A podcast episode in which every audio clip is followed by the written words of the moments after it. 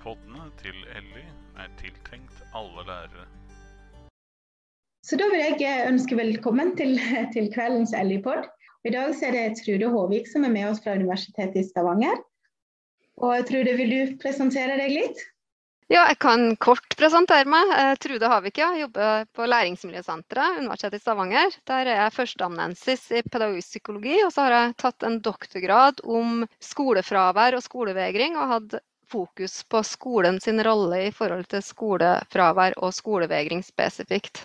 Ellers har jeg jobba i PF-tjenesten og jobba i skolen som vanlig lærer og spesialpedagog. Men vært nå på senteret i mange mange år i ulike stillinger. Mm. Ja. Og Det er veldig kjekt for oss å få deg med, selv om jeg uttalte navnet ditt feil. Så, så håper jeg det går greit. Det går kjempefint. Ja, ja for vi har, jo, vi har, jo, bedt deg med i dag fordi at vi i likhet med, med si, helt sikkert veldig, veldig mange lærere, så er vi jo veldig bekymra for, for, økende fravær hos elevene. Og, mm. og, vi har jo sett tall som, som, har vært skrevet om i utdanning. Da var det 37% med, med, med høyt fravær. Men, men, men, det er vel kanskje mer greit å si at én av, en av elevene i en gruppe vil ha høyt fravær. Tall er vanskelig, for vi har ikke noen sånne gode registreringssystem i Norge. og Det er jo noe jeg etterlyser. Det er et nasjonalt registreringssystem for fravær. Så vi vet egentlig ganske lite om omfanget, men vi hører jo at PPT og skoler rapporterer om et økende antall, og at eh, det snakkes mer om det nå etter pandemien, men den økninga så vi før pandemien òg. Så uansett tall, jeg tenker jeg det er for mange elever som ikke klarer eller vil gå på skolen, eh, sånn at vi er nødt til å ha større fokus på det. Mm. Ja, det må vi nok. Og så er det nok uansett forskjellige grunner til høyt fravær. Og Da kan vi gjerne spørre deg om du vil fortelle litt om hva forskning viser. Hva type fravær har vi?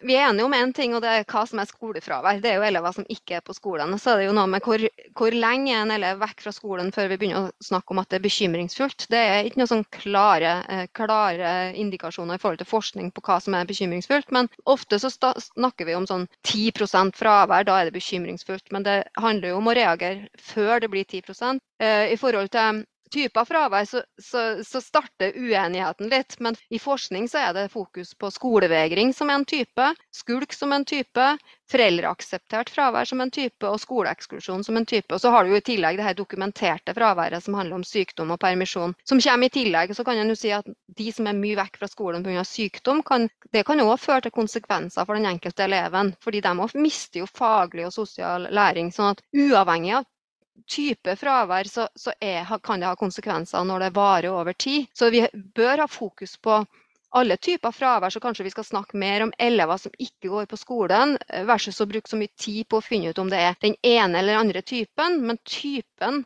fravær avgjør jo en del tiltak. Altså det er En som skulker skolen, trenger andre tiltak enn en som vegrer seg for å gå på skolen. Skal, ja, så er det litt uenighet om vegring er et godt begrep, men det handler vel mer om hvordan en forstår ordet skolevegring. da.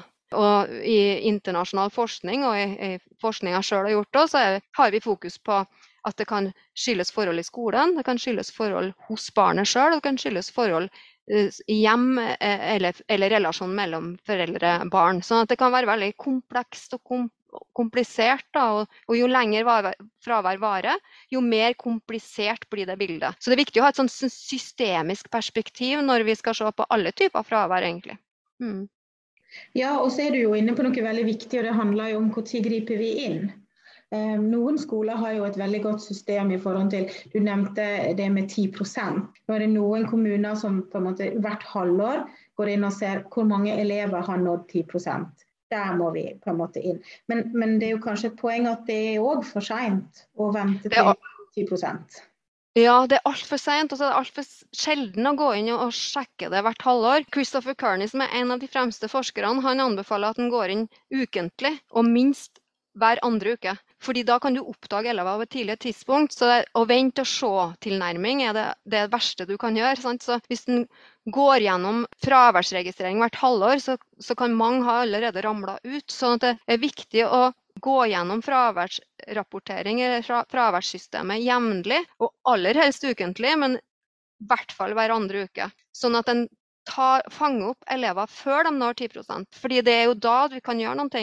Og jo bedre arbeid en gjør med forebygging, jo færre elever er det som, i, altså som begynner å få fraværsproblematikk og, og, etablert fraværsproblematikk, hvis vi kaller det etablert på 10 da. Det er jo liksom avhengig av skole og kommune, altså hvor mye ressurser og hvor mye prioriterer vi dette arbeidet her i forhold til hvor vi setter grensene hen. da. Men jo tidligere respons, jo tidligere oppdaging, jo lettere er det å hjelpe. For da er det mye lettere å finne ut av hva det er som gjør at det er vanskelig. Venter du lenge, så er det så sammensatt problematikk at det er mye vanskeligere å hjelpe. Mm. Ja, det er vel der du er inne på noe viktig. fordi Vi snakker om sammensatt problematikk. Sant? Det er ikke noe enkelt svar på hvorfor en elev blir vekk over tid. Og så er, er, det jo veldig viktig å få fram at skolevegring er ikke en diagnose. Så det er jo veldig vanskelig å, å finne altså, Vi leter jo etter årsak, egentlig. Helt klart. Og årsaker vil vi aldri klare å finne, for da må vi jo gå tilbake i tid og gå tilbake nesten til når de var eh, Altså, altså i forhold til uh, medfødte ting. Hva skjedde i barnehage, hva skjedde i relasjonen mellom foreldre og barn. Altså, det blir for vanskelig å, gå, å se på årsaker, for det vet vi altfor lite om. Men vi, kan, vi vet litt om ulike risikofaktorer, og vi vet litt om opprettholdende faktorer. Og så kan vi òg bruke en del tid på å finne ut hva er det som beskytter hva i hjemmet beskytter, hva hos barnet beskytter, hva i skolen er beskyttende faktorer. Er det en lærer du har en god relasjon til, så er det en beskyttende faktor. Har du en venn, så er det en beskyttende faktor. Har du foreldre som er flinke til å følge opp og, og stille krav, så er det en beskyttende. Eh, selvsagt skal krav òg stilles, eh, balanseres i forhold til krav og støtte. Og samme med med, hvis, hvis, du har ressurser i deg sjøl, som at du er flink, har en interesse eller flink i et fag eller sosialt kompetent, så er det beskyttende faktorer. Så alle disse tingene er viktige, da. ikke bare hva som er opprettholdende og risiko, men også hva som beskytter. Og Det er jo det en må bruke en del tid på før en iverksetter tiltak. Det er å finne ut av hos det enkelte barnet som strever, eh, tidligst mulig da, og kartlegge hva det er som hva er det med, hos det barnet som er de opprettholdende faktorene og risikofaktorene og beskyttende faktorene. Sånn at en kartlegger grundig de forholdene som vi vet kan ha betydning. Da. Og det, vi, I forhold til forskning da, så vet vi en del om risikofaktorer. Sånn som det å ha et utrygt læringsmiljø, dårlig relasjon mellom eh, elev-lærer, at du er litt redd læreren din, eller har en lærer som ikke bryr seg nok som ikke skjer. Det kan være mobbing, det kan være sosial isolasjon, ensomhet. Det kan være òg lærevansker, særlig på sikt. Og det kan handle om andre forhold hos barnet med sånn mestringsstrategier. Altså mestringsstrategien til et barn som vegrer seg, er unngåelse. Og Unngåelse vet vi er ingen god strategi på sikt. For unngåelse gjør at du aldri på en måte møter utfordringene. Det handler om å balansere liksom, krav og støtte. Og så, kan det òg være foreldre som sjøl strever med sin psykiske helse. Det kan være at det er manglende kontroll hjemme og beskyttelse. Det er en del sånne ting vi vet. Da Da er det noe med å bruke tid på å kartlegge de tingene i forhold til å snakke med barnet, snakke med foreldre, men òg at Punkt én at skolen ser på seg sjøl og sin egen rolle og sin egen relasjon til eleven. Klarer å, kartlegge det sosiale miljøet og læringsmiljøet. Og, og ser på pedagogisk kartlegging. Det kan være noe som er for lett på skolen, det kan være noe som er vanskelig. Hvordan opplever barnet mestring, eller opplever barnet hele veien å mislykkes? Så jeg kunne ha fortsatt sånn, skjønner du. Ja. For det er, det er, mye vi vet, og så er det liksom Ja. Så, men det er, lista er egentlig ganske lang da, over ting som vi bør bruke litt tid på å finne ut av. Og, og, um, og, før vi iverksetter tiltak. For vi har så lett for å ha lyst til å gjøre noe, og vi har lyst til å gjøre noe med en gang. For vi, vi er jo litt sånn, sant. Vi vil gjøre noe, vi vil hjelpe. Skolen spør meg hva kan jeg gjøre, ja, men hva har du gjort for å kartlegge? Og så er det liksom den biten hoppen litt over, og da kan tiltakene Altså du kan ha prøvd masse. Når, men det virka ikke, og det virka ikke, og det virka ikke. Og så kan det være at den ikke har stått lenge nok i tiltakene, men det kan òg være at tiltakene ikke passer for det barnet, selv om det passer for et annet barn med utfordringer.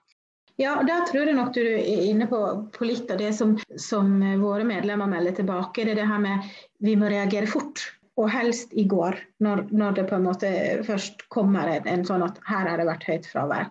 Hvorfor det?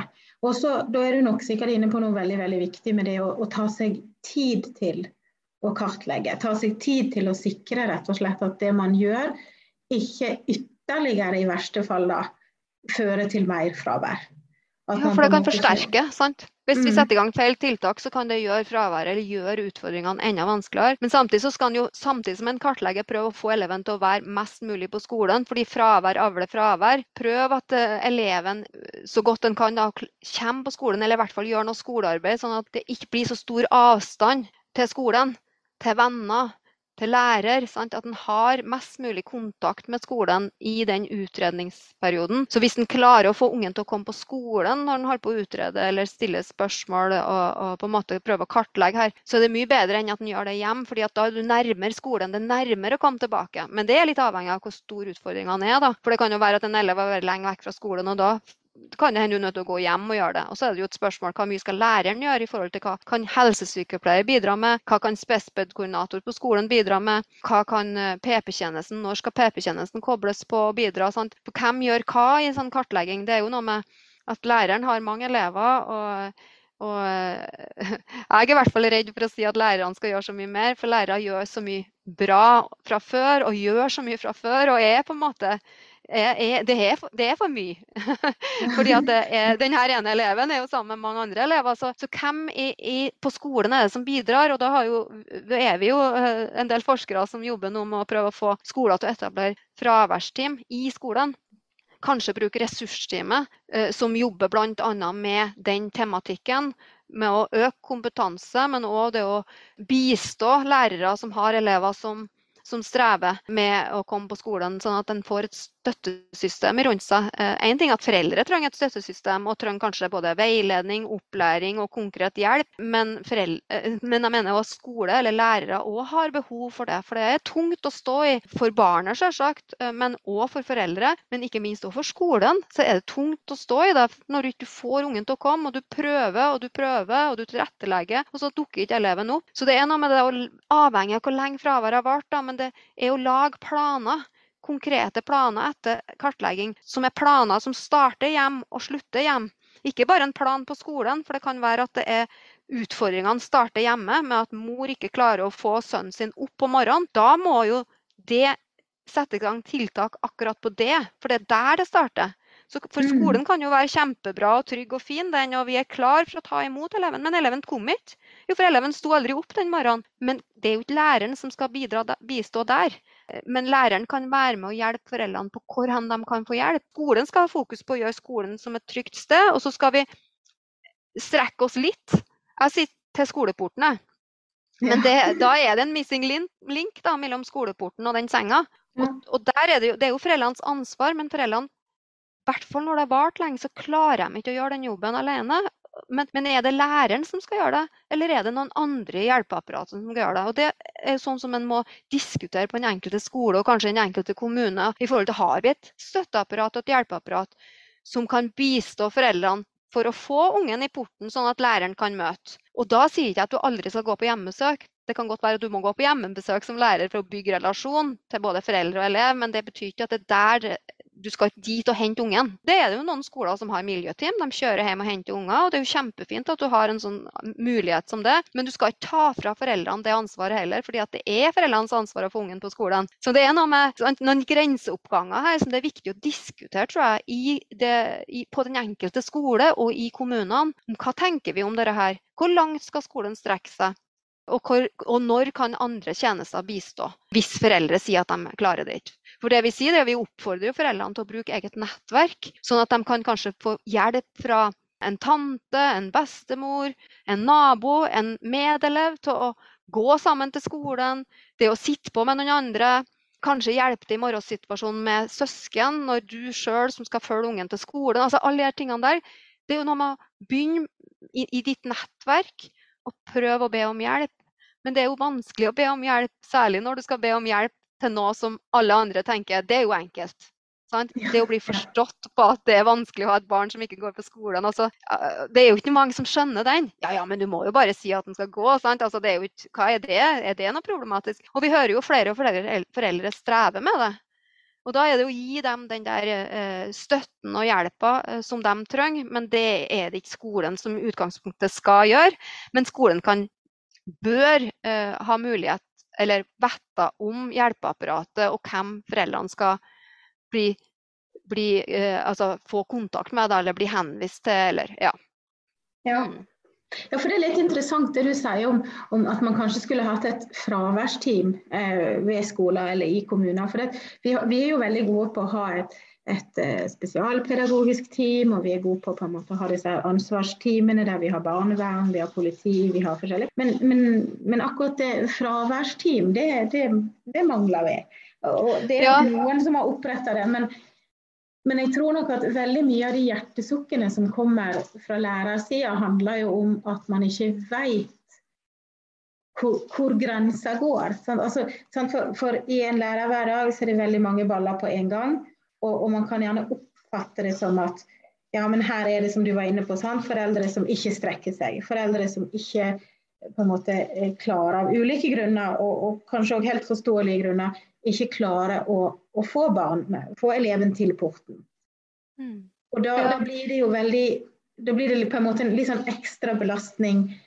Og, og vi vet jo hvordan det er som personer når, når det blir ekstra belastninger, så, så, kommer det til et punkt der man gir litt opp, og så tenker man OK, her er det på en måte ikke noe jeg kan gjøre, så dette her bare lar vi ligge. Og så gir vi skylda til foreldrene.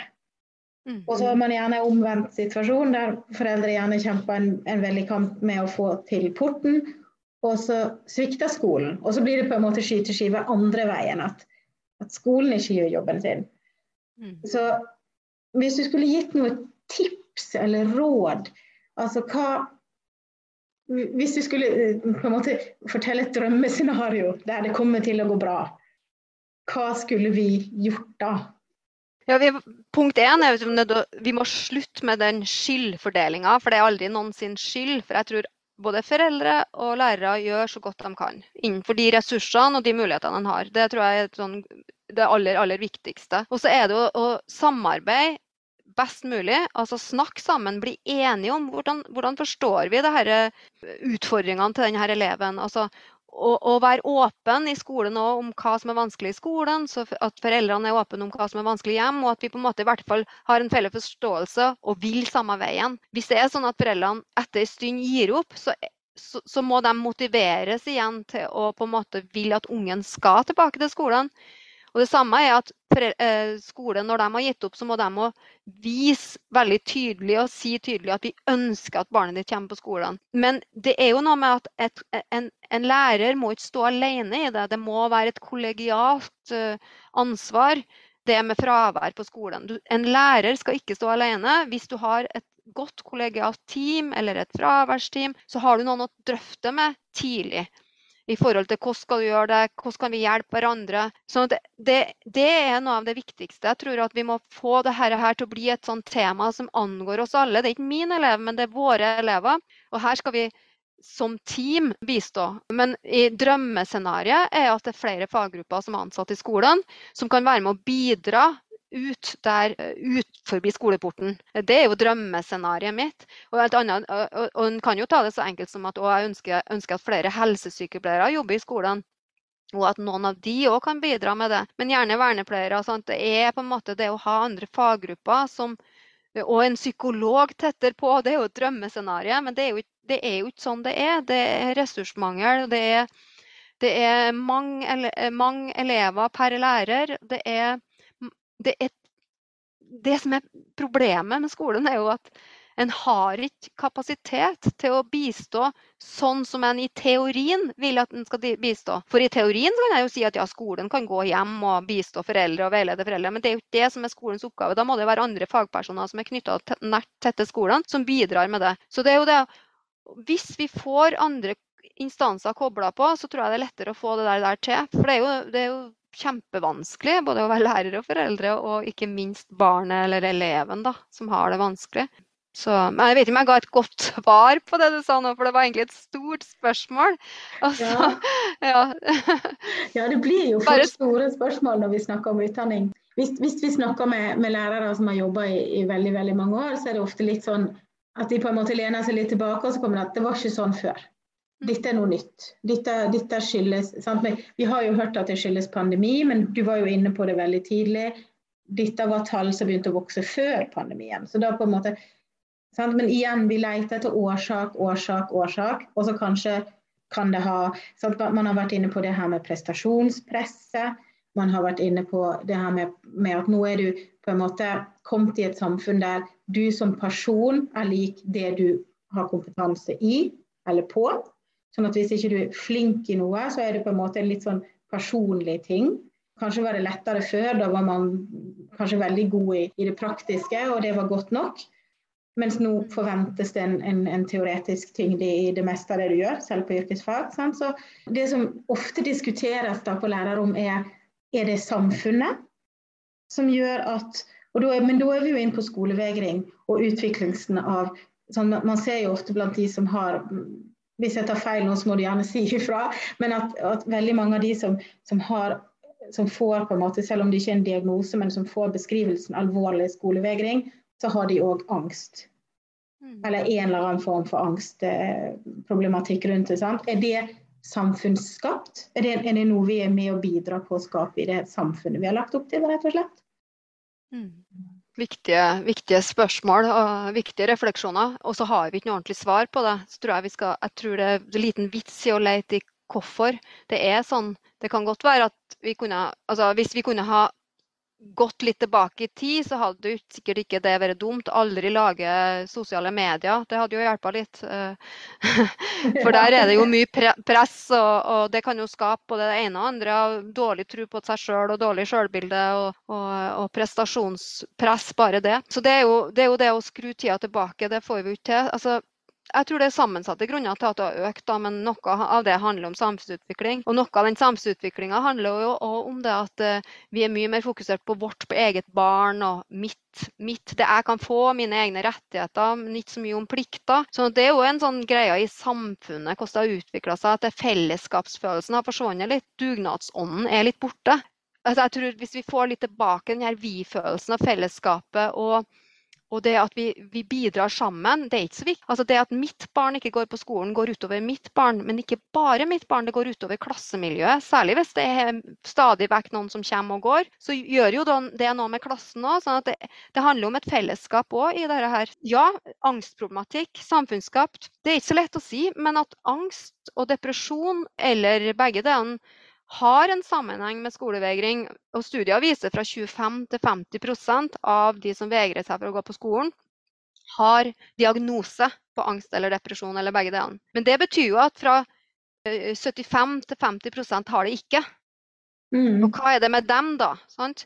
Så det er jo viktig å tenke på at angst er, er ikke er lik skolevegring. Noen med skolevegring har angst, og noen med, med angst har ikke skolevegring. Altså, det er ikke sånn likhetstegn men at de er mer eh, kanskje sårbare og engstelige, og mer, ja, mer engstelige enn andre fordi om de ikke har en diagnose. Men ja, om angst er samfunnsskapt, hvordan skal vi få uh, våre barn og unge til å bli robuste? Det er vel kanskje et ønske vi har alle som er foreldre, at vi ønsker at ungene våre skal tåle litt og klare å stå i stormen når livet vil butte imot. For det vil det til våre barn òg. Det gjorde det til oss òg når vi var unge, det butta imot. Og vi var nødt til å håndtere det sjøl.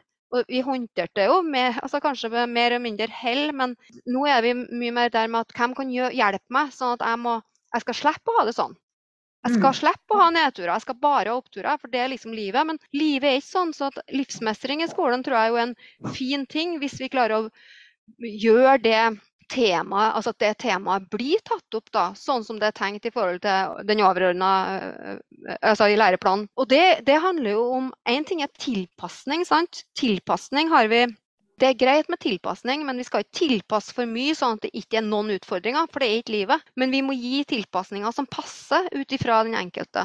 Sånn at vi stiller noen krav, men, men samtidig støtter. Men vi må pushe litt òg. For vi må pushes fordi vi skal tåle å stå i ting som, som, skjer. Og så er det litt sånn komplisert å snakke om dette her i forhold til skolevegring, særlig hvis skolevegring har vart lenge. Og så vet vi òg at mange som har autismespekterforstyrrelser, strever med å gå på skolen og har skolevegring. Det er mye mer hyppig i den gruppa. Og når vi snakker om det med, det med å stille krav der, så, så, vil jeg være litt mer forsiktig. For da tenker jeg at hvis du har en elev med en sånn diagnose, så må du gå til litteratur om autismespekterforstyrrelse, og ikke gå til litteratur generelt om skolevegring, fordi at det passer ikke. fordi at de må være mer forsiktige med, for de har et lavere toleransevindu. Sant? De tåler mye mindre stress, og de har sensoriske problemer som gjør at de tolker signaler, både hørsel, lyd, smak, lukt, på en helt annen måte enn hva andre unger gjør. Sånn, vi snakker ikke om dem nå, men hvis dere har en elev med den diagnosen, så gå til litteratur, f.eks. statped.no, og, og finn litteratur om den diagnosen, fordi de trenger en annen form for tilrettelegging og en annen utfordringer i forhold til det med krav, da, eh, eller utfordringer. sant?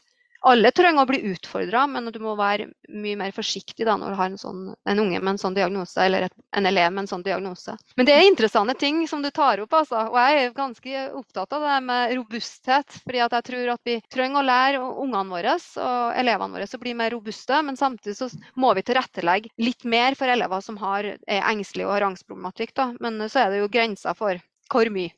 Ja. ja. ja. og jeg tror nok det er, er sikkert um, diskutert ofte hvor mye. og hvor, hvor, lenge, hvor mye, og hvem gjør hva. Men jeg tror nok uh, at vi, vi kunne snakke om det her i, i, mange timer og i mange, mange, mange uker. Ukentlig og alt. Men hvis jeg skal prøve meg på en oppsummering, så tenker jeg at, at kjernen i det du sier, er vel at det er viktig å, å, være på. Det er viktig å begynne tidlig. Det er viktig å ha en godt, god oppfølging fra tidlig av, og at det er viktig å kartlegge godt nok før man iverksetter tiltak, og at de tiltakene får, får vare litt. At ikke man bare prøver, og så funker ikke det, og så finner man noe nytt. Og så er det jo det, det gode samarbeidet å forsøke å få til et slags team da, som inneholder foreldre òg. Og at man, man, løfter hverandre, rett og slett. For det er jo, det er jo eleven som er taperen til slutt. Mm. Mm. Absolutt. Jeg tror det du peker på der som en, en god oppsummering. Fordi, eh, og det er sikkert mye mer vi kunne ha oppsummert med, men eh, jeg syns det der var en bra oppsummering. Betydningen av kartlegging må løftes, i hvert fall. Og så er det jo, hvis vi skal altså, dra det enda litt sånn eh, mer i forebygging, da, så er det det forebyggende arbeidet det aller viktigste. Jo bedre du jobber mm. med forebygging, jo færre elever er det som vil få fraværsproblematikk. Og så er det, som du sier, det er en så sammensatt problematikk. Men også må vi unngå skyld på hverandre. Vi må heller møtes, anerkjenne hverandre hverandres situasjon og prøve å komme derifra og forstå hva det er som gjør at barnet strever, og så ser vi framover og ikke så mye bakover, men vi ser framover. For mm. målet er jo at elevene opplever å gå og, og suksess, altså å klare å gå på skolen, fordi det handler om det, ikke bare det faglige, men også sosialisering inn i, inn i voksenlivet. Det er jo i mm. skolen de andre, og de fleste vil jo være med venner og være med likesinnede. Og det er jo der de andre er, altså på skolen. Ja, men det er bra. Da, da tenker jeg vi har eh, Da håper jeg at lytterne våre har fått, eh, fått noe med seg på veien. Og tusen, tusen hjertelig takk til deg som stiller opp på kveldstid. tusen takk for meg. Jo, ha det bra. Ha det.